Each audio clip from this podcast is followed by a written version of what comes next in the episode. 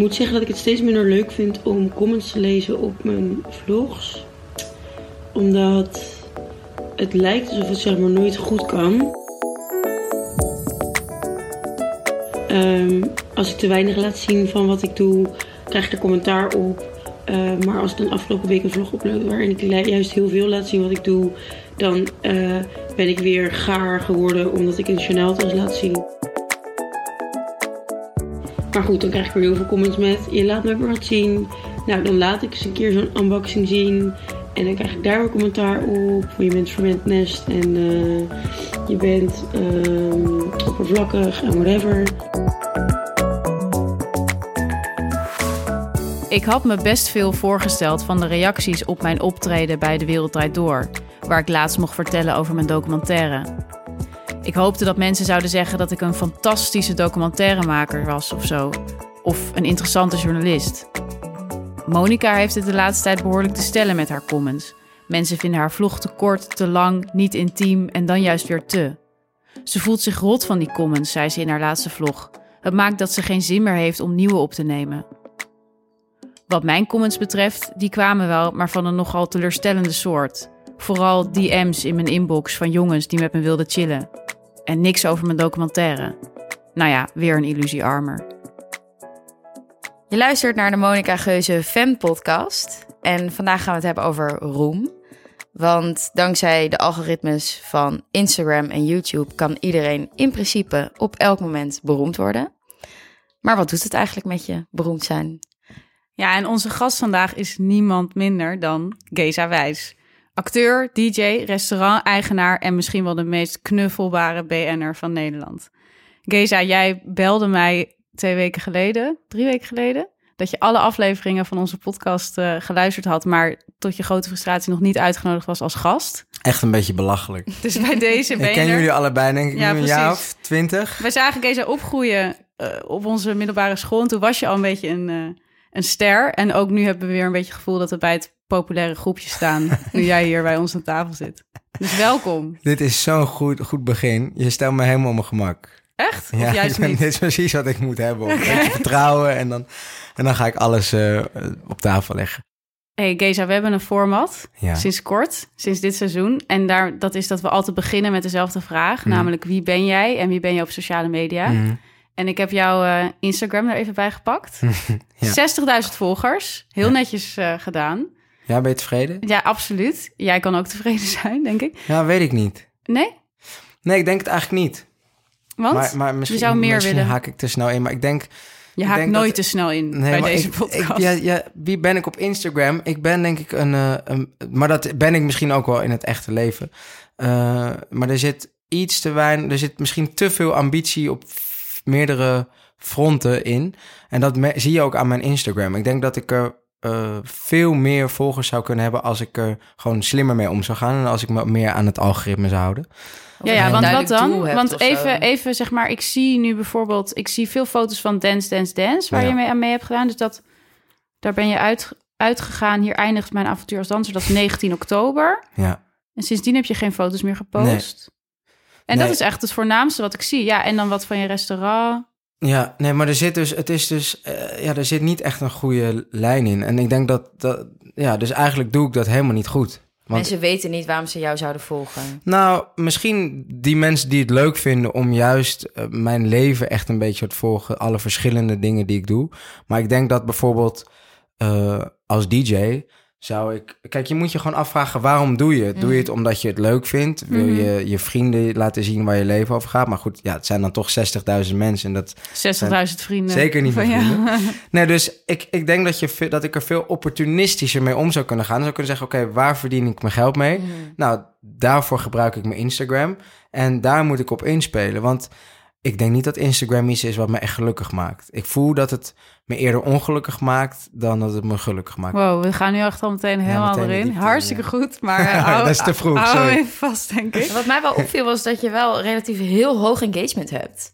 Voor de hoeveelheid likers krijg je echt, eh, volgers krijg je heel veel likes. Oh ja? Die zijn wel echt fans. Ja, ik was best wel, die zijn Want heel waar hebben we het over? 10% of zo? Of, Ja, eh, nog wel meer. Engagement van 10.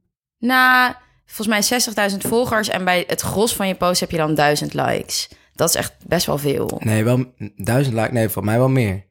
Ja, dan is het nog hoger dan... Nee, Oh, Geza. nee dit- nu, moet- hier moet ik even voor, eh, voor gaan staan.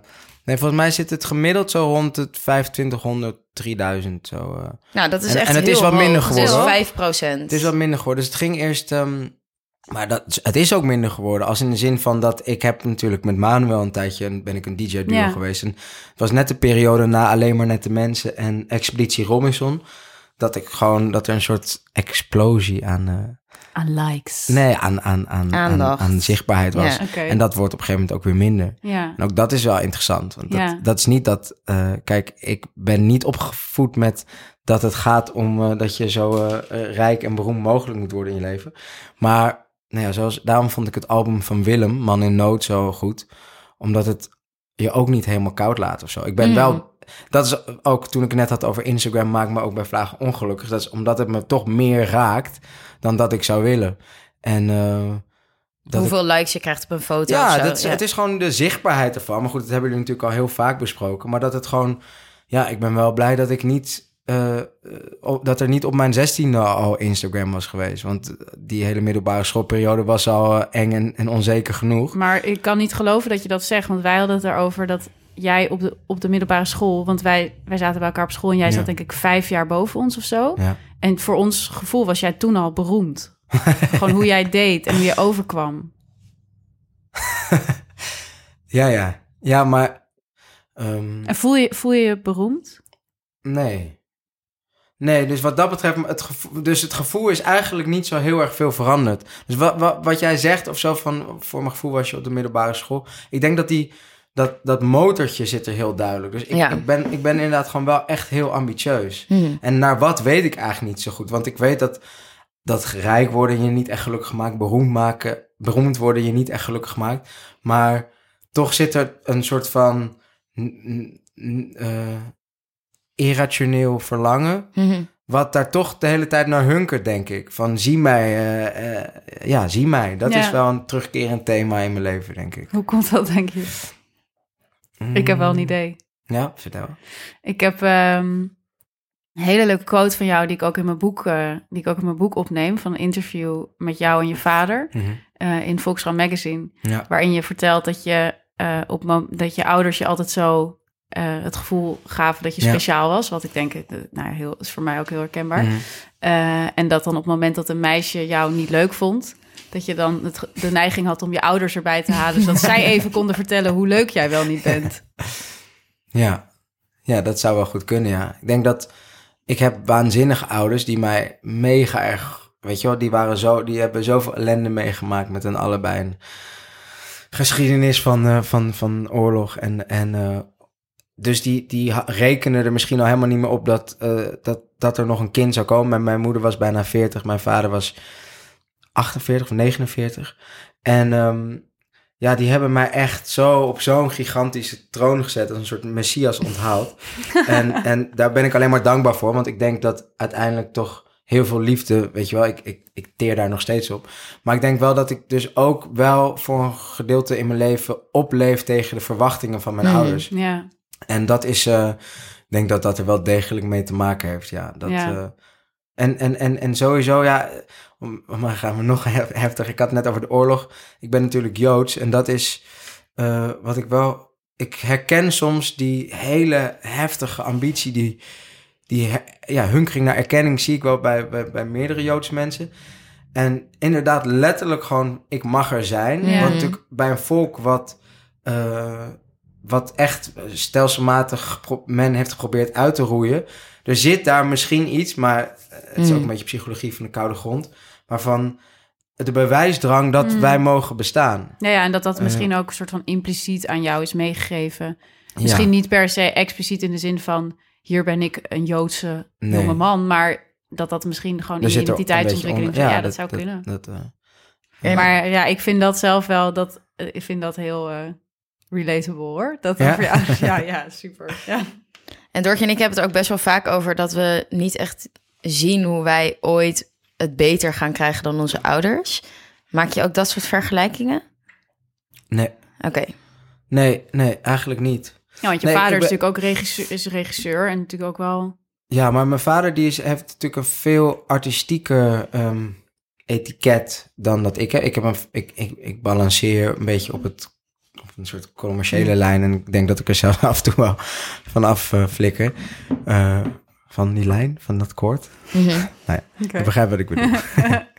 Ehm, maar mijn vader heeft daar helemaal geen oordeel in. Dus de, ook alle commerciële dingen die ik doe... ehm, daar zit hij, hij, hij is zo trots. Als je hem ook bij Dance Dance Dance in het publiek ziet zitten af en toe, zit zo'n blik van bewondering. En ook, hij ziet helemaal Oh. niet dat ik super houterig dans. Hij denkt gewoon, ja, dit is gewoon de allerbeste. En omdat hij mij zo daarin bewondert, voel ik helemaal... En misschien ook omdat we vrij veel verschillen in leeftijd. Mhm.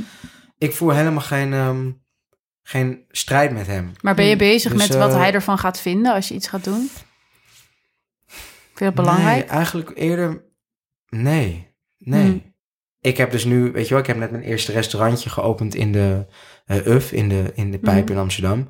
En nu een tweede gekocht hier in de Bosboom waar we een, eh, een restaurantje wijnbar van gaan maken. Om de hoek? Yes. Om de Ja. hoek, ja, bij jullie.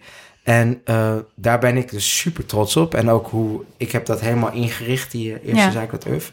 En daar heb ik echt het gevoel dat ik gewoon mijn creativiteit in kwijt heb gekund. En eh, meer dan ik ooit als acteur. Want als acteur ben je heel erg afhankelijk van de smaak van, Mhm. van een regisseur. En Ja, je zit best wel in dienst. Ja, je bent heel erg, je stelt je op Ja.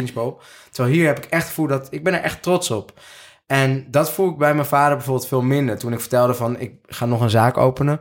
Toen ja, reageerde hij er daar nauwelijks op. En dat doet me dan wel even pijn. Mhm. Want ik weet dat als ik zou zeggen van, ik ga nog een, eh, ik ga weer in een film spelen. Ja. Dan kan hij niet stoppen met dat daarover praten, zeg maar. Terwijl bij zo'n zaak dan heeft hij iets van, ja, maar wat ga je nu dan uh, horeca-magnaat worden? Of, eh, Mm. Hij Het wil het wel chill ook... dat hij dan wel meteen zegt horeca-magnaat. Nee, ja, dat Voor minder doen woorden. natuurlijk.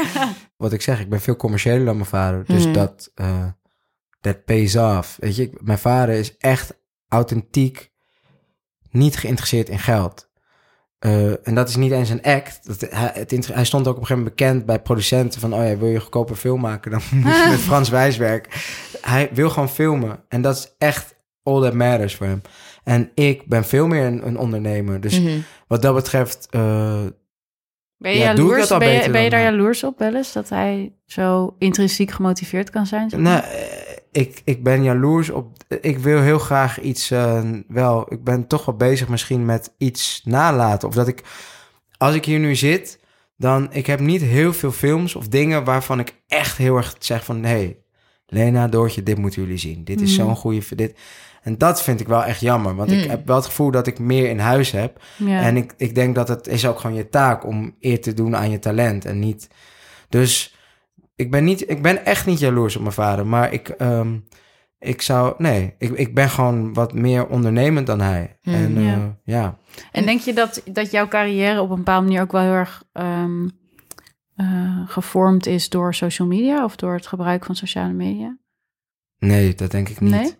Nee, ik, ik, nou, ik denk wel wat ik gewoon misschien bewust en ik denk altijd onbewust, maar ergens denk ik dus dat er ook dat ik het ook wel een beetje bewust heb gedaan, is dat mijn mijn eh, ik ben op een gegeven moment feesten gaan geven. Ik, Ja. ik DJ'de al voor het eerst op het, op onze Barlees school. Zeker, dat weet ik nog.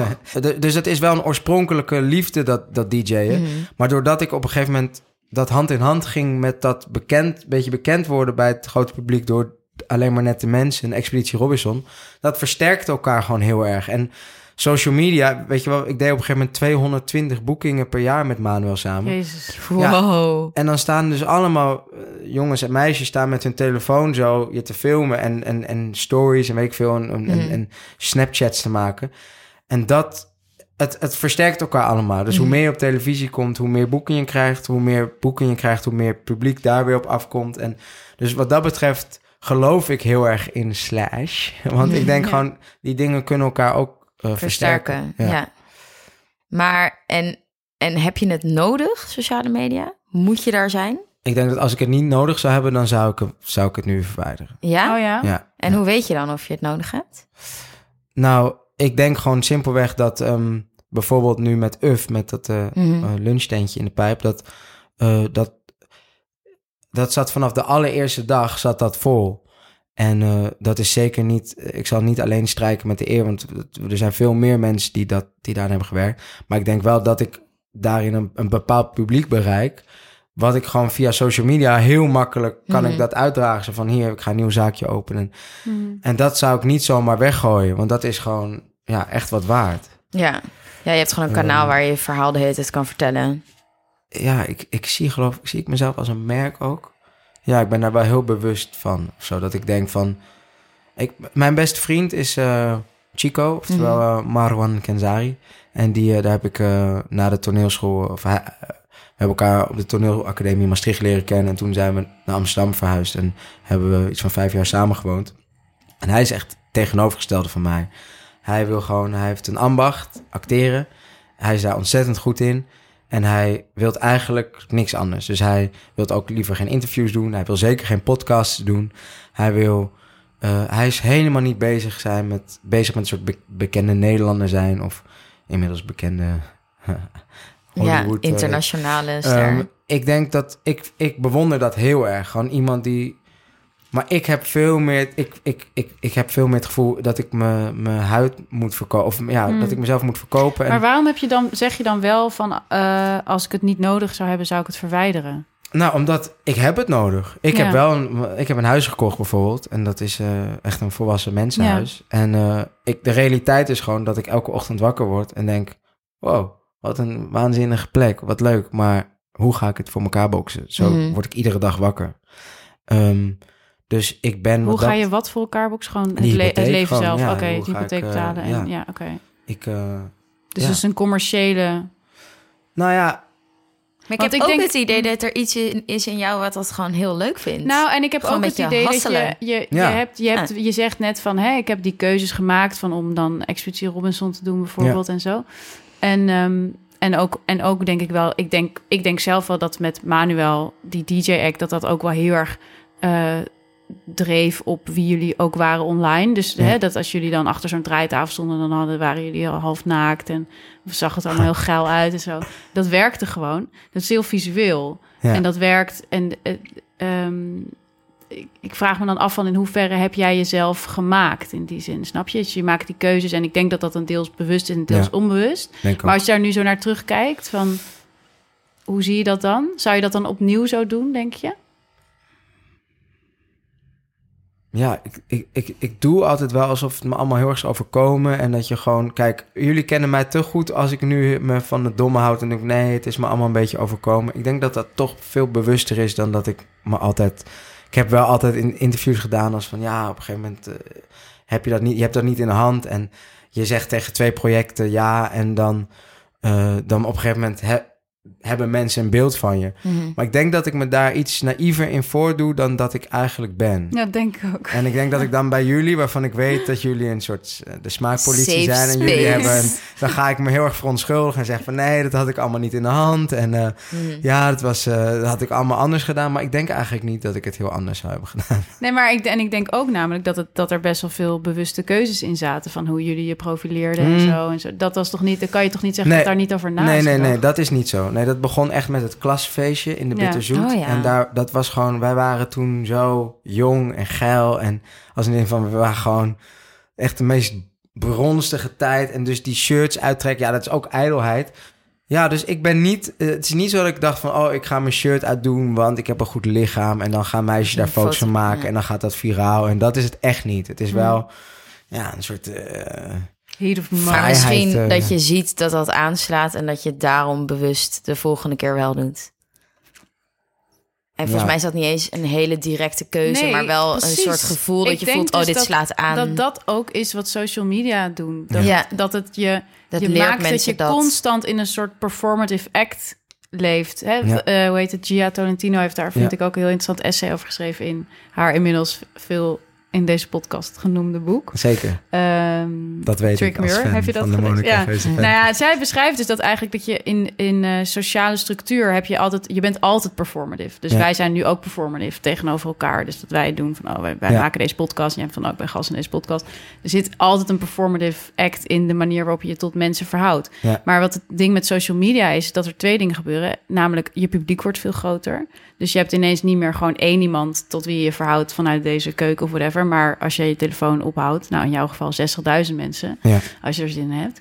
En in potentie miljoenen, want voor je het weet gaat het viraal. Ja, en het staat nooit uit. Nee. Dus je bent altijd bezig met die performance. Dus je wordt dan eigenlijk soort van één met je performance. En dat zou ik me dus kunnen voorstellen... dat op het moment dat je inderdaad je shirt uittrekt... en iedereen filmt dat en dat krijgt een miljoen Nou, en nog likes. iets extra's. En je hebt ook altijd een feedback loop. Je ziet meteen wat werkt. Ja, wat Ja. werkt. En daar pas je op aan. Ja. Nou ja, daar had jij het over, daar hadden jullie het over toen met Go to Gym, volgens mij. Ja. Mhm. Eh, dat, dat, dat, eh, of was het met Sam? Dat jullie zeiden van... Zo chill dat je deze referentie... Ja, Nee, maar dat jullie zeiden van als experiment... Go to oh ja, dat je, nee, volgens mij met Sam. Oh, dat je zei van als experiment gewoon... Je Instagram gebruiken. En dan, maar wat jij toen, wat jij Lena volgens Mhm. mij toen ook zei, van je gaat toch als je dan iets doet en wat je ziet dat werkt, dan Mhm. ga je automatisch daarop door. Ja. Is het heel moeilijk om te zeggen, ja, dit werkt. Nou, nu Ja. op naar de volgende. Ja, je het is gewoon een op spel met regels. En je gaat je verhouden Ja. tot die regels. En je wil winnen. En, Ja. en, Ja. En, en dan kom je uit op het pleasen van de massa. En ik denk dat dat is voor mij het grootste gevecht in het leven. Dat ik heb een redelijk pleasende aard. Mhm. En dat is wel grappig genoeg door Expeditie Robinson heel erg veel minder geworden. Ik, Ja. ik, ik kwam daar niet... Heel, sommige mensen vonden me heel leuk... maar er was ook een groot gedeelte van het land... ja, wat mij- was het ook alweer? Dat jij met Sef had samengespannen Hoe lang geleden is of het? zo? Ja, wat is het? 2012 of zo, denk ik? Ah, het Dat is was heel kort lang geleden. geleden. ja. Ik 2013. voel dat je net van het eiland ik. komt. ja. ja, nou, ik denk er ook nog dagelijks aan. Want ik hoorde... Daar wil ik ook nog iets... Dat moet ik Mhm. even rectificeren. Want jullie zeiden toen van... Jij zei dat, Doortje, volgens mij... dat iedereen heel erg eh, bezig is... alleen maar met het spel en met... eh, en, en toch, ja, weet je wat jij zei? Nou, ik zei volgens mij dat, dat ik het idee had dat er een soort expeditie Robinsonisering is van tv. Dus dat Mhm. mensen zo in een soort van hyperrealiteit. eh, eh, als ze dan op, in zo'n, op zo'n eiland komen, dat ze meteen zo zijn van: oké, eliminatieronde, duivelseiland, eh, immuniteitsketting. Dat ik denk van: Jezus, man, relax, je bent er pas één Ja. minuut. Maar je, omdat ze natuurlijk zoveel Expeditie Robinson hebben gekeken, nou, ga je je denk ik is- gedragen naar wat je denkt dat ja, er van je daar wordt wil verwacht. ik dus op terugkomen. Oké, ja, Ik als expert, ja. Dat is niet helemaal waar. Oké. Eh, eh, Sef, Youssef en ik, die eh, hebben krankzinnig veel gesprekken gehad... die helemaal niks te maken hadden met eliminatie of eilandraden... maar over... Youssef is namelijk super... nou ja, jullie luisteren die podcast, denk Mhm. ik, van Youssef en J. Die weet, wat ik heel leuk ook aan hem vind... hij weet heel veel. Van alles weet hij wat. Mhm. En dat, daar hebben we het eindeloos allemaal over gehad op het eiland. Alleen dat is voor de gemiddelde kijker van Expeditie Robinson helemaal niet interessant. Dus montage doet alles bij Expeditie. Mhm. Zij hebben gewoon... Ik ben inderdaad heel fanatiek in spelletjes. En ik ben, eh, ik ben heftig daarin. Maar zij hebben ook met hun montage hebben zij een karakter gemaakt van mij. En dat zat er ook wel in. Maar even als voorbeeld. Hmm. Iedere dag in, de, in het dagboek, hoe noem je het? Het dagboek... eh, Eh, Dat dingetje waar je dan in Zo'n de camera... Ja, ja. de dagboekcameraatje. Ja. Ik had heel erg honger, dus ik zei: Mhm. vandaag heb ik zin. En dan noemde ik een gerecht. En dat heb ik, geloof ik, ben eh, geloof ik 26 dagen of zo geweest. Elke dag noemde ik weer een nieuw gerecht. Ehm, op een gegeven moment had Jan eh Sef eruit gegooid. En toen zei ik in die dagboekkamer, zei ik, eh, vandaag, eh, wat wil ik vandaag eten? Vandaag wil ik eigenlijk alleen maar Jans bloed drinken. En daarna Nice. moest ik keihard lachen. Nou, nu heeft de mon- dus het programma heeft toen alle gerechten achterwege gelaten. Mijn Ah. lachen achterwege gelaten. Alleen maar me laten zien... Vandaag wil ik alleen maar Jans bloed drinken. Nou, dan zie je op Twitter dus wat een enge jongen is die gay. Terwijl er zit een heel verhaal achter. En dan kan ik wel heel gefrustreerd raken van... hé, maar jullie moeten... Dat is, jullie hebben het uit zijn context gerukt. Ja. Maar dat is televisie maken. Mhm. En als je meedoet aan zo'n programma, dan weet je dus dat ze dat ook gaan doen. Nou, ik kwam er dus. eh, sommige mensen vonden het heel leuk dat wij zo fanatiek. Ik zag het gewoon als een levensecht schaakbord. Maar je hebt ook allemaal puristen die vinden: nee, je moet overleven. En een echte Robinson zou nooit iemand anders naaien. Nou, dus ik kreeg allemaal haat op Twitter. En, en Jan was inderdaad een beetje het lieveling van, lievelingetje van dat seizoen. Dus toen ik hem eruit knikkerde, toen kreeg ik doodsbedreigingen en weet ik veel. Oh, wat heftig. Eh, en ik weet nog dat ik toen over het Leidsplein liep. Uit de Soos kwam ik. En ik eh, was donderdagavond, hè, elke do- donderdag. Super super social. En dan liep ik naar huis en ik las al die berichten van eh kankerjood en eh, Hitler is er eentje Oh vergeten. God. Slechte timing ook Ja, om te gaan lezen. Ja. En ik weet, en de tranen liepen over mijn wangen en ik ben snel in bed gaan liggen. En de volgende ochtend werd ik wakker. En dit is echt, het klinkt bijna spiritueel, maar ik was gewoon bevrijd van dat eindeloos maar bezig zijn met vind me leuk, vind me leuk. Oh, ik echt dacht, waar? ik kon gewoon zien van, oh ja, dat gaat nooit lukken. Ja, Het hele land je leuk vinden, dat is onmogelijk. nee. En whatever, zeg maar. Als maar mijn beste vrienden mij leuk vinden, dan is het allemaal oké. En dat was voor mij dus wel een soort heel bevrijdend moment. Hmm. Maar nou ja, helemaal eh, los zal ik er waarschijnlijk nooit van komen. Want als ik iets post, dan... dan ja. Ja. kijk je hoeveel likes je krijgt? Ja, zeker. En naar de reacties ook? Ja. En doet, wat doet dat met jou? ja, wel steeds minder. Maar het wo- worden er ook steeds minder. Maar ehm, nee, ik... eh, ik, weet, ik zag op een gegeven moment kreeg, zag ik dat ik gewoon minder, dat ik ging, ik, ik zit nu dan op 60.000 en op een gegeven moment ging ik daar zelfs onder zitten, werd het 59. Hmm. Eh, en toen, nou, dan ben ik heel, maar dan ben ik ook neurotisch en dan denk ik, ik wil in ieder geval die Ja. 60 hebben. Ja? Spelletje winnen, ja. En Ja. ga je dan ook nadenken van hoe komt dit of zo? Waarom? Nou, ik dat is gewoon leuk? minder zichtbaar. En ga je dan ook meer posten of zo? Nee, dat, ik weet, ik, eh, Jim Taihutu van, eh, van eh, de, de filmregisseur en tevens eh, van Yellow Claw, de, de oprichter, medeoprichter, die zei een keer tegen mij, eh, ga, post nou gewoon elke dag een foto. Hoe moeilijk kan het zijn? Ja. Dat is gewoon voor je algoritme, weet je, je moet dat gewoon doen. Maar serieus, dat lijkt mij zo fucking. Ja. moeilijk. Wij, hebben met, wij proberen dus met de Monica Geuze fan podcast altijd een beetje Insta-gamed. Maar ik vergeet het gewoon. Ja. We hebben afgelopen weken hebben we gezegd van eh, mensen kunnen onze stemmen moeilijk uit elkaar. We hadden gezegd van joh, weet je jongens, stuur wat vraagjes naar ons, leuk. En dan maken we een story dat we het opnemen. Dat hebben we gewoon nog steeds niet gedaan. Terwijl we gewoon hadden beloofd van dat doen Gaan we dan zo vandaag. doen dan. Ja, dat gaan we. ik jullie filmen.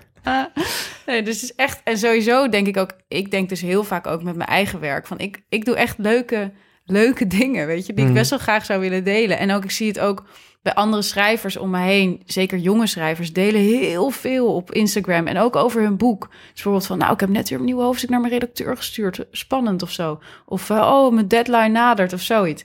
En denk ik, ja, ik doe dat... Ik, dat ja, ik doe dat allemaal niet. Maar vind je het echt leuk om dat te delen? Nee, dat nou, obviously not, want anders zou ik het wel doen. Oh, maar je zei, nee, er zijn allemaal dingen die leuk zijn om te nee, delen. ja, ik doe dingen waarvan ik denk, ik zou, ik zou meer zeg maar Instagame voor mezelf creëren als ik dit zou delen, snap Ja. je? Maar aan de andere kant zou ik ook meer Instagram voor mezelf creëren als ik mijn account eens een keer van privé zou halen. ja. Dus Nou, ik, ik, ik, wat ik wel wilde zeggen is dat ik ken jullie natuurlijk al heel lang. En ik ging, ik vond het cynische wat eraan kleefde. Ik, ik ken Monica Geus bijvoorbeeld persoonlijk. En ik vind, ik heb heel veel bewondering voor wat zij doet. En ik vind haar ook gewoon echt een leuke vrouw. Mhm. En ik had niet zo'n zin in dat jullie haar. Ik dacht wel, ik, het voelde een beetje hooghartig zonder dat ik ooit er eentje had geluisterd. Maar toen dacht ik, ik ga toch eens luisteren. En toen vond ik het meteen heel leuk. En toen zag ik ook dat het veel minder cynisch was dan dat ik aanvankelijk dacht. Maar ik zei ook tegen Doortje, die aflevering dat jullie met z'n tweeën eh, zijn, waren Mhm. en zonder gasten, vond ik eigenlijk de leukste aflevering. Omdat ik gewoon best wel geïnteresseerd ben. Jullie zijn allebei super intelligent. Mhm. Gewoon naar wat jullie te bespreken. En, en dus wat jij net zegt over dat delen. Ja, ik denk dat daar heel veel behoefte naar is. Want ik weet bijvoorbeeld nog steeds niet welke podcasts ik moet luisteren. Ik, ik, op Spotify ga ik een beetje random zoeken. Maar Jij denkt bent een soort intellectuele Jij denkt dat wij wel influencer. Ja, influencer zouden zijn. nou ja, influencer, wij maken dat allemaal belachelijk. Een dat woord. Terwijl ik je, denk dat Oh, Oh, misschien... ik maak dat helemaal niet belachelijk. Ik schrijf er een boek over. Ja, het, ligt er, het ligt er ook heel erg aan wat je van iemand verwacht. Ik denk dat je van, als je naar Kim Kardashian kijkt, dan verwacht je al dat ze heel erg gericht is op de consument. Mhm. Weet je wel, nou, ik ben bijvoorbeeld naar Joker geweest. Eh gisteren of eergisteren. Waarschijnlijk En- iedereen hier aan Ja, tafel. en, Doortje. en, en ik, en kijk, dan ga je naar zo'n Joaquin of Joaquin. Mhm. Joaquin? Nee. Ja, Jo- ik zou zeggen Phoenix, Joaquin Phoenix. Joaquin Phoenix eh, kijken. En ik vind hem een super vette acteur. Maar juist ook omdat hij gewoon elke rol helemaal eigen maakt. Ja. En een soort van method actor is. En Ja. juist, eh, zeg maar, bij wijze van spreken met zijn rug naar het publiek staat. En heel erg zijn eigen ding doet.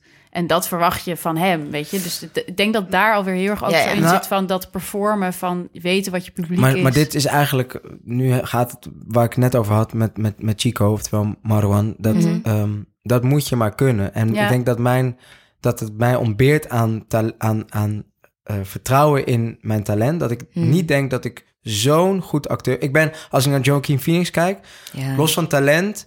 Ik had een gesprek met vrienden over gezegd, zo getroubleerd spelen... Ja. Ja. Dat kan alleen maar volgens Je- mij je als moet je een donkere je geest hebben, toch? verloren hebt of Ja. weet ik veel. Dat, ik, dat ga je bij mij gewoon niet geloven, Ja. zeg maar. Daarvoor zijn mijn, ja, daar, je ziet gewoon aan mijn ogen dat er nog niet genoeg verdriet in is, zeg maar. Ja. En ik denk dus, ik, zelfs al zou ik dat willen, dan vertrouw ik dus niet genoeg op mijn talent als acteur. Dus ik heb gewoon het gevoel dat ik het meer bij elkaar moet chagren. Dat ik, En denk je dat je, zou je willen dat je meer eh, vertrouwen had in je acteer eh, talent en dat je dan minder, dat je dan ik bijvoorbeeld geloof niet, het niet. dat je dan Nee. bijvoorbeeld niet het mee zou doen met zo'n dance, dance, dance. Nou, als ik naar Joaquin Phoenix kijk, dan ben ik eh, wel echt stront jaloers op hoe goed hij Ja. is. Maar ik vind dat wel ook eigenlijk de beste acteur Ja, op aarde op dit moment. Dus dat ja, is wel. ja. Ehm, maar dan ben ik even heel, denk ik, ja, dat zou ik ook wel willen. Maar ik echt, het is bij mij oprecht. Als ik hier nu zit, dan denk ik, eh, of ik van, heb er ook wel zo gefantaseerd om een podcast te te doen. Nou, als ik hier zit, denk ik, oh, maar dit is leuk. Ik wil een podcast gaan doen. Als Mhm. ik eh, straks weer ehm, eh, hier om de hoek naar, naar het zaakje eh, ga waar een, een wijnbar komt, dan vind ik fantaseren over wat voor lampen daar moet komen, vind ik echt het leukste dat er is. Dus, en Expeditie Robinson bijvoorbeeld, ja, het is een heel commercieel programma, maar voor mij was het, ik ben een heel verwend jongetje van, van uit, de, hier uit de grachtengordel. Ik had nog nooit gekampeerd. Voor mij was dat Sick. een life changer dat ik daar. Ik weet je hoe gelukkig ik daar was zonder de prikkels van buitenaf. Het was, ik, ik zou dit ieder jaar willen doen. Dat je helemaal niks van buitenaf, gewoon echt in het zand slapen en je eigen vis vangen. En ja, jullie gaan op yoga retreat. Mag ik dat vertellen? Ja, Anneke? ja, ja. dat, dat weet Eh, de maar luisteraar. dit was wel yoga retreat eh, eh, Ja. 3.0, zeg maar. Ja. Ik, ehm, dus dat is, was een commercieel programma. Maar ik vond dat fucking leuk. Mhm. En ja, ik ben heel blij dat ik dat heb meegemaakt in mijn leven. Dus ik, mijn leven is wel gevuld met eigenlijk alleen maar dingen doen die ik leuk vind. Ja. En daar Ja. ben je dan ook best obsessief in, maar je hebt niet één obsessie. Exact. Ja. Ja. Ja, ja. Ja. En, maar toch heb ik het idee Ja. dat, dat, dat we maatschappelijk toch mensen die zo één obsessie hebben, wel op een voetstuk Ja. hebben. Als je één talent hebt, dan ben je in totaal getalenteerder dan iemand met heel veel talent. Ja, Oh, dat is het idee wel een beetje. Ja. Ja het Ja. irriteert mensen ook. En ik ben Ja. nu, want ik was wat dat betreft misschien wel een pionier van de slash-generatie. Ja. Want ik we- werd in ieder interview werd gezegd, ja maar wat wil je nou? Wil je nou acteren of wil je nou DJ'en? Ja. Mm. En ik voelde echt van, oh ja, nou, eh, en dan ging ik allemaal... Terwijl nu, zou, nu wordt die vraag ook inderdaad minder gesteld. Maar me- het irriteert mensen als je je... Ze hebben zoiets Ja. van, kies nou gewoon. eh, Ja, ja, Nou, en je ik- in een hokje nou, drukken, En zeg ik denk maar. dat er ook uiteindelijk wel iets onder zit van... en ik weet niet in hoeverre dat bij jou zo is... maar Mhm. dat, er, dat er iets zit van... ja, maar acteren, weet je, zoiets... dat is toch eigenlijk het hoge. Ja, Dat is is toch een- wat je is uiteindelijk het wil. ambacht. En Is dat bij jou zo? Zeker, ja. Maar, eh, Zou je eigenlijk liever meer willen acteren? nee, dat zou dus buiten... Dan zou ik dus bezig zijn met mijn ouders. Mhm. Oh, en met de vrienden van mijn Oh, ouders. ja, ja? Maar ik heb zelf... Als je echt bij je eigen kern komt... en je gaat gewoon niet meer bezig zijn... met wat je omgeving van je verwacht... en dat is Ja. best wel een, een traject. Zeker denk ik... Nou ja, zo, als je bent opgevoed zoals wij... Mm. En je, je, je krijgt al mee van, van jongs af aan mee... wat kwaliteit is en wat... dan is het heel moeilijk om daar helemaal los van echt te voelen... van ja, maar wat vind ik nou eigenlijk leuk om te doen? En iets wat je leuk vindt, ben je automatisch ook gewoon beter in. Dat Mhm. is gewoon een feit. Wat ik wel wil zeggen is dat de, ver, de vers- verzui- verzuiling, ver- versnippering van al mijn... dat ik wel denk dat de kwaliteit er van achteruit gaat als je te veel dingen wil. Dus Mhm. ik was ongetwijfeld een beter acteur geweest... als ik me alleen maar daarop had toegespitst... en niet ook nog DJ'en en Ja. feesten geven en een horecazaak. En vind je dat jammer?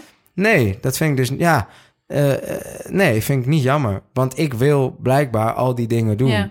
Maar zou het een regel zijn dat je altijd, dat is een beetje die eh, duizend Nee. uren regel van, eh, hoe heet die ook alweer?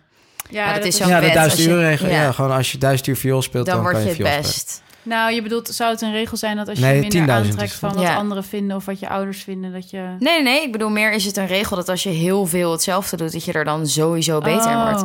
Want ik merk, ook- ik merk juist bijvoorbeeld dat eh, de podcast mij ook een betere werknemer maakt op mijn werk. Juist de Oh ja? combinatie van verschillende dingen. Ja. Want Ja. wa- Je- je hoe merk je dat? Kan je dat? Eh, nou, bij de podcast heb ik geleerd om vanuit mezelf te De praten. podcast, deze podcast. Ja, waar je dat nu is naar mijn eigen luistert. En op mijn werk heb ik niet per se mijn eigen stem. Maar het helpt wel dat ik die nu gevonden heb. Ja, Ehm, ja, het versterkt maar sowieso, wel. dat is het, hè? Het vinden van je stem. Ja. Want ik heb dat ook gewoon tijdens het schrijven van mijn boek. Toen ik begon aan mijn boek. Want jij zei net van, hè, influencers. Ik heb het idee dat jij dat jij denkt dat ik heel cynisch ben over influencers. En ehm, ik begon met het schrijven van, van een boek een jaar geleden met het idee van ik ga verhalen maken over influencers om soort van te laten zien hoe die wereld werkt. En er verder ook niks over zeggen. Niet, ook niet negatief, maar gewoon het laten zien. En dan het- zei ik altijd, ja, je moet er een mening over hebben. en dan zeiden mensen altijd van ja, maar je moet er wel wat van vinden. En dan zei ik ja, maar ik vind er niks van of ik wil er niks van vinden. Het boek gaat nu uiteindelijk ook voor een heel groot deel over mezelf. Ja? Ja. Maar dat is, ben ik heel groot. En dat over mijn geweldig. eigen jeugd en over gewoon waarom ik denk dat influencers bestaan en waarom het soort van voortkomt uit onze samenleving. Oké. En waarom is dat? Ja, dan, moet je mijn boek, lezen. ja. ik, ik, ik heb jouw film gezien en ik vond, bij het feit dat ik het heel leuk vond en goed, ehm, vond ik het ook echt vrij. Ik, ja, ik, ik kan me niet voorstellen dat jij niet een mening hebt over die, die ouders. Ik, ja, ik, ik, moest heel erg denken aan van die oude eh, mis, mis eh, eh, verkiezingen in Hmm. Amerika. Ik heb daar vroeger ook wel eens, volgens mij heeft toen, hoe heet die hele beroemde documentaire, Michael Moore, die heeft daar toen volgens mij een film over gemaakt. zo. Over die pageant queens. Mhm. Ja, toch? Pageant kids of zo. Maar is het dan inherent verwerpelijk? Is het op zichzelf altijd erg als een ouder dat wil voor zijn kind? Nou ja, waarschijnlijk niet. Want ik. Nou, ik vond die vergelijking met, met, met ouders die heel fanatiek langs de voetballijn staan. Ja. Ik denk dat trouwens iedereen daar ook wel een soort van natuurlijke aversie voor heeft. Maar we hebben niet een gevoel van Nou ja, walging. kijk, ik, ik probeer natuurlijk wel. Kijk, wat ik probeer is, is denk ik om eh, de nieuwe vormen van leven. Om die een beetje inzichtelijk te maken. Dus daarom, ik heb bijvoorbeeld ook een stuk geschreven in de Volkskrant over die film. En daar heb ik wel ehm, uitgelegd waarom ik die film uiteindelijk heb gemaakt.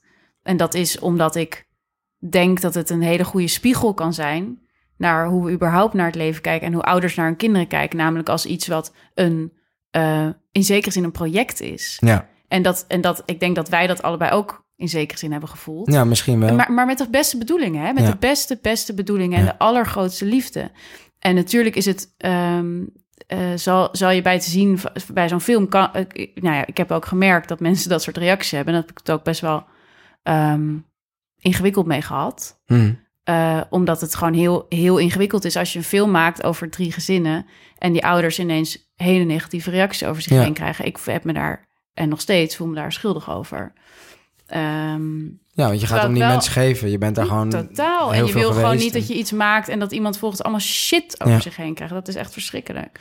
Maar, je, maar, maar toch denk ik dat het, een, dat, ja, dat, het- dat het een hele waardevolle film is die een nieuw fenomeen laat zien. En ehm, nou, hopelijk mensen ook, wat ik ook in dat stuk schrijf. Kijk, je hebt heel veel mensen in Amsterdam die zeggen... ehm, oh, mijn kind niet op social media hoor. Weet je wel, mijn kind niet. Hm. Maar vervolgens wel de hele tijd foto's maken van het kind. Of bijvoorbeeld een kind bij moeder Anne casting inschrijven... waar ze nog even dat extra zelfbewust kunnen worden. En dat is denk ik wat ik ook hoop. Dat mensen, dat mensen ook aan het denken zet. Nou, ik vind het een heel moeilijk ding. Ik merk het nu met. Ik ben nu in de fase gekomen dat vrienden om mij heen kinderen krijgen. En de een die deelt dus. Die gebruikt het letterlijk als een tool om. Ja, eh, om te verkopen op, Ja. op Instagram. Ja, weer ook En anderen die- zeggen. Ja. Ja, en anderen die, die, die, die zetten er op alle foto's een, een grote emoticon over het gezicht heen. Dus dat... Ik heb dus nog geen idee hoe ik er zelf in sta. Dat als ik op een gegeven moment kinderen Nee. krijg, of ik die dan ga delen of niet. Maar het punt is natuurlijk dat je dat ook... dat weet je niet. Want je kan nu wel zeggen van dat ga ik nu doen. Maar als jouw kind ineens heel graag een YouTube-kanaal wil... oh, pap, please, het zegt alles wat ik wil... mag dat dan niet? Ja, dat, dat weet ik Dat dus mocht jij nog vroeger toch ook? Had jij toch ook gemogen van Frans? Ja, ik denk dat ik dat... Ik denk dat jij wel een YouTube-kanaal had gehad, hoor. ook. en jij, Lena, had jij een Het is nog niet te gehad? laat. Ik heb wel een kindertentpagina. Oh. Ja, nee, precies. Het is een nieuwe realiteit en we kunnen daar met heel veel hotel naar kijken en doen alsof het niet eh, bestaat. Maar, Maar inderdaad, Ja. als je een heel ondernemend kind hebt dat allemaal vet leuke dingen doet met zijn YouTube-kanaal. Nou ja, en het is gewoon een nieuwe manier waarop eh, het oneindige geloof van ouders in dat hun kind speciaal is, eh, wordt, eh, tot uiting komt. Ja. Ja, ja, maar niet eens speciaal, toch? Het is ook gewoon je kind alle mogelijkheden geven. alle en kansen. daarin alle alles kansen. ondersteunen. Ja, net zoals het, wij- wij hem eh, hoge cijfers en dit en dat. Ja. Weet je, het is gewoon, het is gewoon een nieuwe, een nieuwe wereld. En ja, ik, ik, ik, ik hoop dat je die ouders in elk geval gewoon begrijpt Ja. als je de film hebt gezien. Ik, maar ik, ik vind inderdaad, en, en dat, dat, dat doen jullie ook niet hoor, vind ik. Dat, dus dat valt me ook alles mee bij de podcast. Dat inderdaad dat hotel-achtige gedoe van, oh ja, het, het is een lage Mhm. eh, vorm van, eh, dat, dat is eigenlijk helemaal niet interessant. Dan, Nee. dan had, wel, hadden jullie één aflevering kunnen maken van de Ja. Monica Geuze fan Ja. podcast. Hoe saai. En dan was het daarna vloggers. klaar. Ja. Terwijl het is inderdaad veel leuker om het serieus te nemen. Eh, Ja, en ik raak oprecht van weinig dingen zo geïnspireerd als kijken naar Kim Kardashian en Ja, ik ga het- of naar ik- Monica. ik ga het ook meen bekijken. Het. het is zo fascinerend. Maar wat is er wat je zo inspireert bijvoorbeeld aan naar Monica kijken? Ik ken haar, haar, haar vlogs, eh, noem je dat? Ja, vlogs. eh, Mhm. eh, ik ken die niet echt om mee te zijn. Maar wat is het wat je inspireert aan... Ik denk dat Monica heel veel scheid heeft en heel Ja. weinig in haar hoofd zit. Ze is niet heel doordacht. En maar een heel eerlijk is naar zichzelf. Echt heel erg in contact staat met wat ze Ja. zelf wil. En ook niet overambitieus is, maar wel gewoon gezonde ambitie. Maar niet ambitie voor de sake of ambitie of Nee. zo. Ehm, dat vind ik inspirerend. Maar de Kardashians is gewoon een uitvergroting van alles wat je nu al in onze samenleving ziet. Hmm. Maar dan gewoon op het allerextreemste niveau. Ja. Ja. En dat is gewoon fascinerend. Ja, maar dat, dat is ja, dat, maar dat vind ik Monica op een bepaalde manier ook wel soms. Ja, nou dat ja, ook nu dan met die comments, weet je wel, dat ze zat van ja, ik heb weer comments gelezen op mezelf en word er gewoon helemaal gek van. Ik probeer te doen wat jullie willen. Dan zeggen jullie de vlog moet langer, nou dan maak ik hem langer. Dan zeggen ze de vlog moet korter, nou dan maak ik hem korter. maar en dat is zie je het weer niet goed. in het hele YouTube-landschap. Ja, tuurlijk. maar dingen. dat vind ik wel, dat, dat ik ook denk van, oh ja, we zijn toch ook altijd zo bezig met wat anderen van ons vinden Mm. en Ja. doen wat wordt verwacht en zo. Maar dat vind ik sowieso interessant aan YouTube. Dat eh, ten eerste al de manier van praten, zo van jullie. Het is heel Ja. alsof het een gesprek Ja. is. En dat mensen hun content aanpassen op wat hun publiek wil. Ja. En daar ook nadrukkelijk om vraagt heel vaak. Ja, maar het is wel interessant soort dialoog is of zo. Ja. Ja. En dat is denk ik wat, wat Monica ook tof maakt. En waarvan ik soms ook wel denk van ja, hoe, hoe gaat dat allemaal in, intern of zo? Ik bedoel, dat weet ik niet. Maar zij is natuurlijk begonnen met vloggen toen ze echt 16 of 17 was of zo. Mm. Ze heeft helemaal geen, zij heeft helemaal geen eh, reflectiemoment kunnen hebben... Ja. waarop ze dacht van ja, wie wil ik nou eigenlijk zijn online? Van ze was er al. Ze, Ja. moest zich er maar, ze had zich er maar toe te verhouden wie ze was. En dat, ja, dat, dat maakt haar denk ik ook wel zo... eh, ja, zo soort van ongeremd of zo. In zekere zin. Maar wat, wat ik ook heel erg zie bij de Kardashians en natuurlijk ook bij de Hills met die Heidi die toen daarna uiteindelijk extreem volgespoten door het leven gaat, Ja.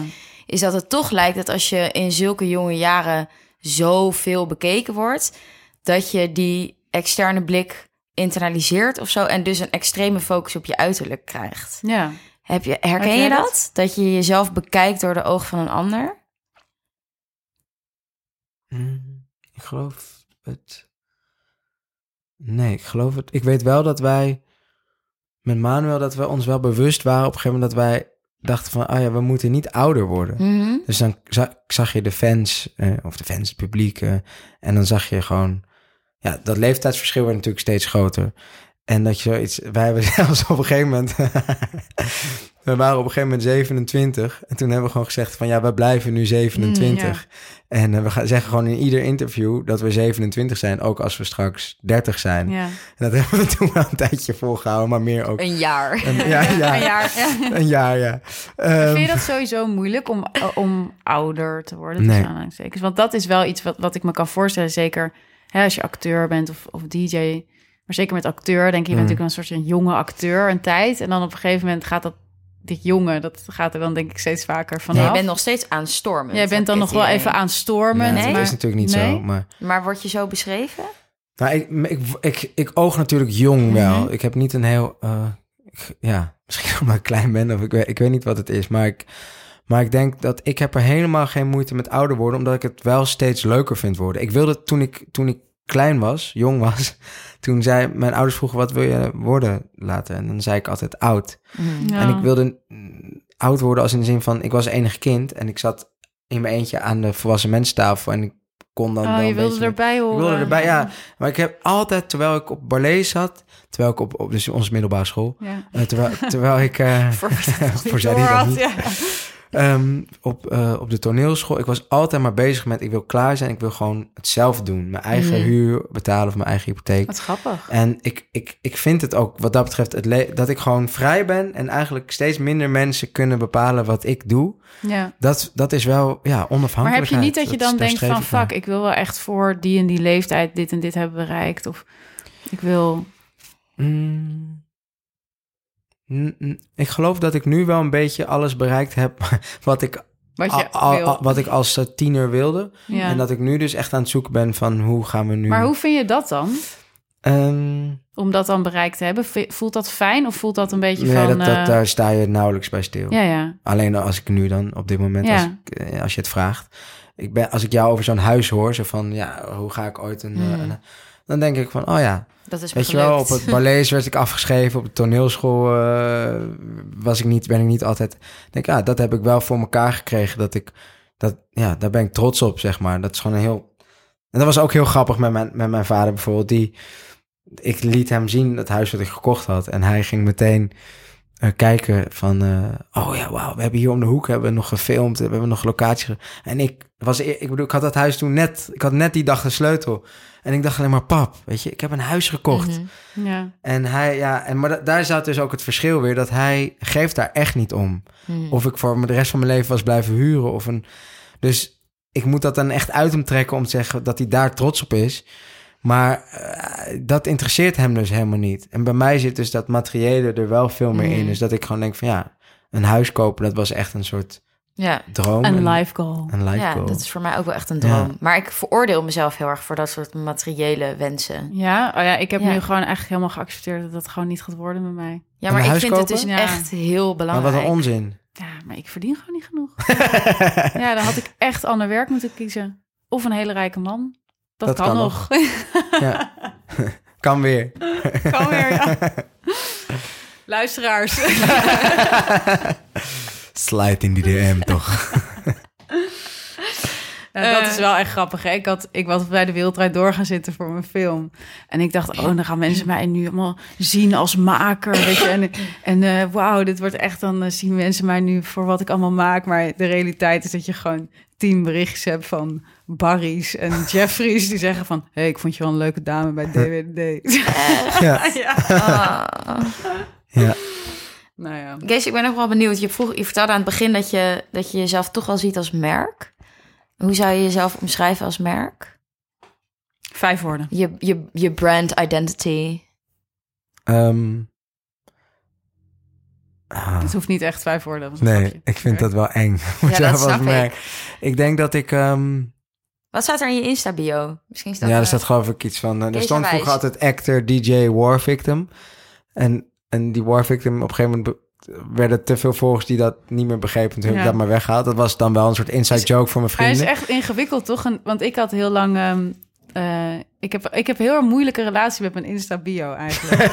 Want ik had heel lang eh, Not Always There When You Call, Always On Time... als Ja. referentie naar dat nummer van Ashanti en Ja, Jay-Z. Ja. En dat ik toen weggehaald, dat ik op een gegeven moment dacht van... ja, misschien denken mensen dat ik oprecht Dat serieus, bedoel. Dat ik, ja. En toen kreeg ik echt eh, berichten van vrienden van... waarom heb je dat uit je bio? Dat maakt mijn dag echt goed, dan Ah. hoor ik dat nummer. En toen dacht ik, oké, misschien moet ik weer iets grappigs doen. Toen had ik My Husband is Anti-Care. Omdat ik dat zo'n grappig filmpje vind. Maar toen dacht ik laatst opeens, kut. Misschien denken mensen nu... Dat was ook redelijk kort nadat mijn relatie uit was gegaan... oprecht dat ik een husband heb die anti-care is. dus nu, toen heb ik hem maar even veranderd in een paar bloemetjes. Omdat ik dacht, nou, ik weet het even niet Dat is meer. altijd goed. was ik even in between bio's. En toen dacht ik later, wat ik wel kan doen, is een ander deel van datzelfde filmpje. Namelijk begin van het antwoord van die vrouw zegt, I like all dit. Dat heb ik toen, dat heb ik toen, dat heb ik nu. Ja, Nou I ja, like all dit. ja I like all dit. Ja, dat is, eh, dat is een goeie. Het is zo leem als ik het niet zeg. Wat heb jij, leem? Ik ben helemaal niet bezig met mijn eigen Instagram. Wat heb, maar dat heb jij. Ik, ik denk, eh, oh, happy shiny people, zoiets. Happy shiny people. Ja, maar ik gebruik mijn Instagram echt nul. Maar Happy is Shiny People, is dat dan is. serieus is- of is dat een grap? Nee, is een grap. Dus, eh, Alle bio's zijn ironisch, toch? Behalve die van jou. Die van mij is wel ja, nee. Ik, Maar mijn is heb denk ik nu gemaakt door Nathan. Oh. Dus Die Maar goed, je kan misschien je merkidentiteit niet beschrijven, maar je kan wel beschrijven hoe je denkt dat mensen je zien. Dus je Nou, imago. Nou ja, ik denk dat ik... ehm, ik, ik word ook duidelijk gecast voor de beetje olijke rollen. Dus Mhm. ik denk dat ik niet... Ik denk dat ik een soort vrolijke... ehm, Ja, sowieso happy. Ja. Happiness. ja, en ik denk dat ik, doordat ik ook met Manuel, we werden een tijdje natuurlijk ook als een soort van Mooi pretty boy. boy, maar ik Ja. teerde dan net iets meer mee op zijn echte pretty boy en dan kon ik net, net nog aan mee. Oh. Eh, nee, ik denk dat het een soort van, ehm, ja, dus eh, ah, kijk, ik zit dan wel eens met mijn managementteam en dan ga je gewoon bespreken van hoe gaan we Mhm. Ja, hoe gaan we jouw carrière weer een nieuw leven inblazen en waar moeten we op inspelen? En we hadden bijvoorbeeld heel duidelijk met, met Manu en ik hadden heel groot vrouwelijk, weet je, ik zie ook gewoon het merendeel van mijn volgers zijn meisjes. Zit UF ook helemaal vol met eh, chicks? Ja, met wisselen, ja. Waarom zijn, wij, Spaghetti waarom, zijn wij er, waarom zijn wij er nog niet geweest? Ja, waarom zijn jullie niet geweest? Ja, jullie zijn aan totaal mijn doel. Wij doen alleen maar aan natuurwijn. Natuurwijn en rijstwafels als je op de klok slaat. Nee, jongens, jullie moeten echt een keertje komen. Ja, Ja, gaan we doen. Dat zijn jullie nu wel aan mij verplicht na Ja, deze. Absoluut.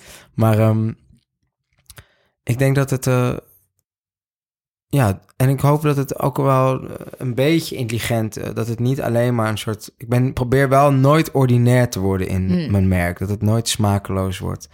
Dus wel een beetje commercieel, maar toch wel op een smaakvolle manier. Mhm. En ehm, ik schrijf dus nu elke week een column voor de FIFA. Ja, Ja, ik heb er een paar leuk, gelezen. Ja. en Je bent wel woke, ja, ik ben Ja. heel woke. ja. ondanks dat je vlees eet. Ik wist eigenlijk niet wat het betekende. Dat heb ik een beetje bij jullie geleerd. Woke. Oh, Oh, echt? Ja, Oh, heerlijk. Mijn moeder appte ook laatst in een gezinsapp. Kinderen, ik leerde een nieuw woord vandaag. Woke. Ja. Zijn jullie dat? Kunnen jullie het even uitleggen aan de luisteraar wat woke betekent? En woke is eigenlijk het linkse equivalent van red pilled. Dus dat de oogkleppen zijn afgevallen en dat je ziet dat bijvoorbeeld mensen met een andere huidskleur een enorme achterstand hebben. Of dat de koloniale samenleving nog steeds doorwerkt. Dat het gewoon allemaal fucked is, eigenlijk. Ja, dat we eigenlijk gewoon super privileged zijn als witte mensen. Jij misschien iets minder, want jij bent dan ik nog van Joodse afkomst. en een soort Mexicaanse snor. eh, En Doortje en ik zijn nog vrouwen, dus we zijn ook nog wel een jullie soort zijn van vrij onderdrukt. privileged, ja. Maar wel onderdrukt als vrouw, want Heel erg patriarchaat, Heel erg onder. dat is woke. Ehm, wat ik heel leuk vind aan die column is dat ik wist niet zo goed wat ik bij de FIFA moest verwachten. Ik hou rekening mee dat ik inderdaad voor vrouwen schrijf. Maar dat is, eh, doe ik eigenlijk steeds minder. Is het op papier of alleen online? Het is op Papier. op papier. Oké. En eh, wat ik heel leuk aan vind, is dat ik het... De redactrice, Hanneke, eh, die, ehm, die is heel streng voor mij. Die stuurt ook best wel vaak een column terug. Nee, ik vind eh, het te zoetsappig of weet ik. Hmm. Dus ehm, ik, ik word echt uitgedaagd erin. En ik merk echt dat ik vind schrijven ontzettend leuk. Eh, en wat ik nu ook merk, is dat ik me best wel mijn engagement... of dat ik gewoon er echt iets in kwijt kan. Wat, kijk, dus zowel in dat horeca als in dat DJ'en... dat is fantastisch, maar het is Mhm. ook oppervlakkig. Het is... Ja, het, gaat, het gaat niet de diepte in. Je hoeft, niet voor, je hoeft geen kranten voor te lezen, zeg maar. Nee. En nu moet ik dat wel. En, eh, en ik, ik schrijf natuurlijk, het is niet alsof ik voor eh, Vrij Nederland schrijf, maar zo schrijf ik het wel. Ik ben niet bezig met, eh, Met het publiek. nee. Nee. En, ehm, dat zijn natuurlijk ook gewoon mensen die kunnen nadenken. Ik bedoel, Ja. dat, alsof- is, dat ja. blijkt, ja. ja. Ja, nee. En ik, dus ik ben heel dankbaar voor dat, dat eh, FIFA mij die Dus kans heeft hebt- Maar doe je gegeven. dat ik, Het wordt mij gedwongen, ja. Ik, En het is- veel, ja. Ja. ja, heel veel. En, eh, maar ik ben dus echt aan het schrijven. En ik, ik, ik wilde altijd schrijven. Maar ik, dat was echt zo'n. Dat was een van die talenten. Of een van die dingen waarvan ik dacht. Ik wil dus dat nog een beetje bewaken. Dat ik daar niet al een soort heel commercieel ding van maak. ja, dus dat ja, ik, ja. en dan. eh, Ik zag gaan aankomen dat ik dat gewoon nooit zou gaan doen. En nu moet ik elke week. Ik heb gewoon elke maandag een deadline. En ik ben er, ik ben er op zaterdag en zondag al chagrijnig over dat ik voel Ja. dat ik het niet ga redden. Eh, maar ik vind het, ah, ja, ik heb hem dan, eh, vaak wordt het woensdag. Eh, dus ik heb oh, de gister- deadline is zo rekbaar. ik, ik schrijf twee weken vooruit, dus ik heb, Oh, eh, ja, dus ik loop vooruit. Slim. Ja.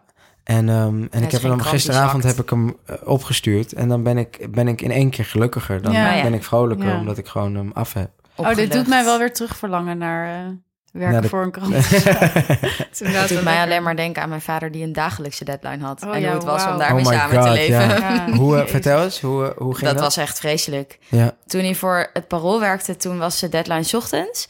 Dus dan was de dag wat te doen, want dan had hij 's ochtends hem af. En dan had hij gewoon Ja, de dag nog. Maar toen hij bij de Volkskrant ging werken, toen zakte de krant in de avond. Tien uur of zo. Ja, dus het was de hele dag Oh. kut. De hele dag gewoon.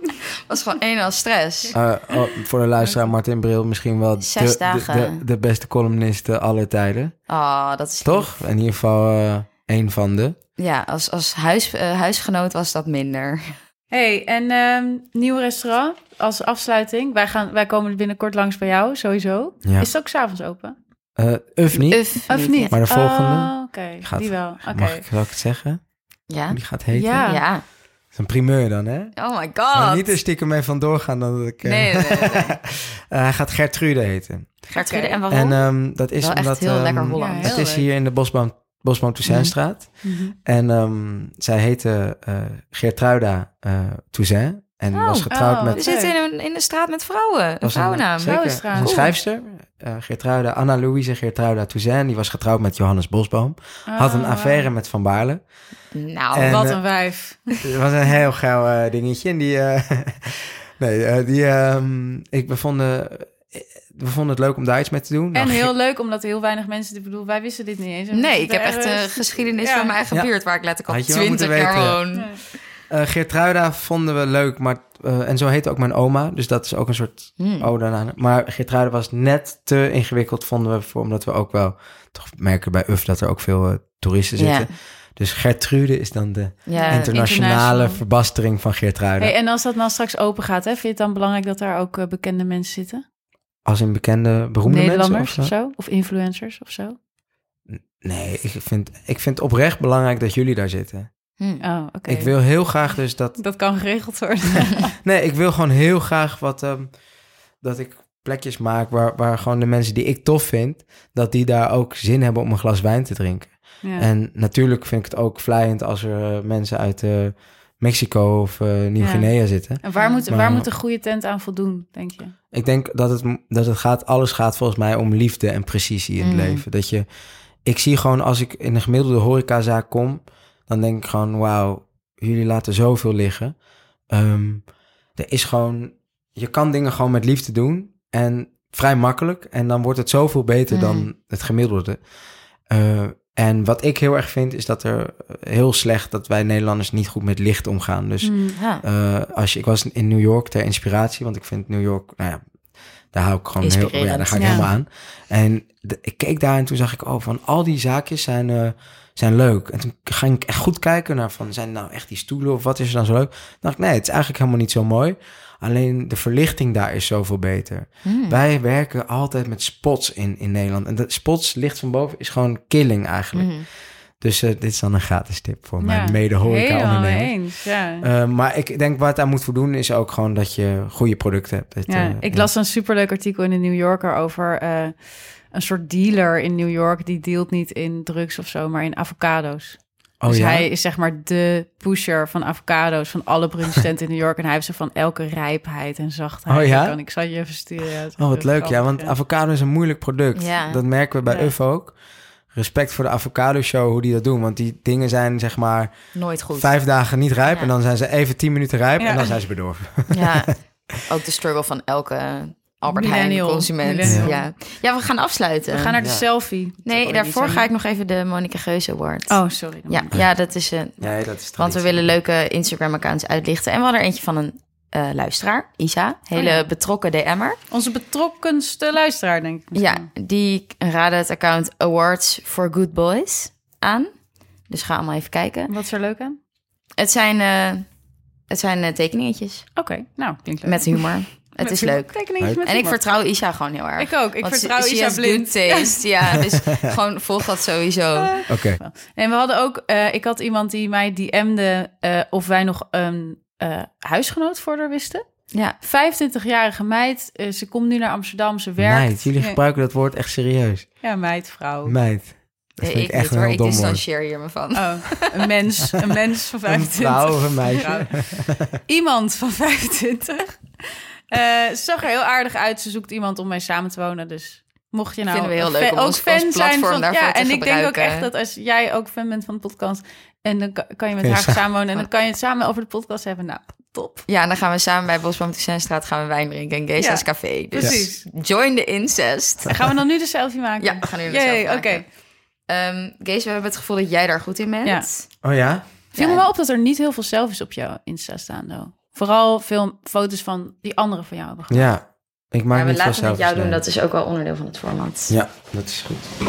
Ik heb mijn eh, koptelefoon nog op. Nou ja, dat staat ook wel professioneel. Dat, dat is real, dat je een koptelefoon op hebt. Ja, Wel heel veel Oh, tegenlicht. tegenlicht. Ja. Dus misschien hoe kunnen we dat nou doen. Tegenlicht komt vandaar, ik moet hem eigenlijk hier. Nee, ik ga hier zitten. Hoe ga je dit doen dan? Nee, Zo, oh ja, moet ik even En erbovenuit. zie je, ik werk nog steeds met dat tegenlicht. Ja, Ja, hij staat erop. Top. Ik vind het ook mooi dat jij het horizontaal doet. Een echte influencer zou dat Ja, zou nooit dat doen. Nee. Nee. Maar moet ik hem nog eentje? Nee, nee, nee. Nee, wij doen hem lekker you sure? verticaal. Oké. Ja, Doe doen hem- nee. Kom maar. Ja, Oh, ik doe nog eentje verticaal. Even. Zie je, je wil dat spel winnen. Ja, ik, maar ik wil dat spel ook winnen. Oh, echt? Ik Ja. denk gewoon leuk in de fiets. Prima. jij even iets- Jammer dat ik kan. Oh, hij is er zo lekker knullig. Love it. Top. Oké. Dankjewel, Nou, Kees, heel veel dank. En Ja. eh, we komen snel wijn bij je drinken. Nou, heel fijn. En eieren Graag eten gedaan. dus. En eieren. En eieren. Dat klinkt Maar niet samen. plat. Niet tegelijk. Nee, niet tegelijk. Oké. En tot de volgende. Doei. Doei.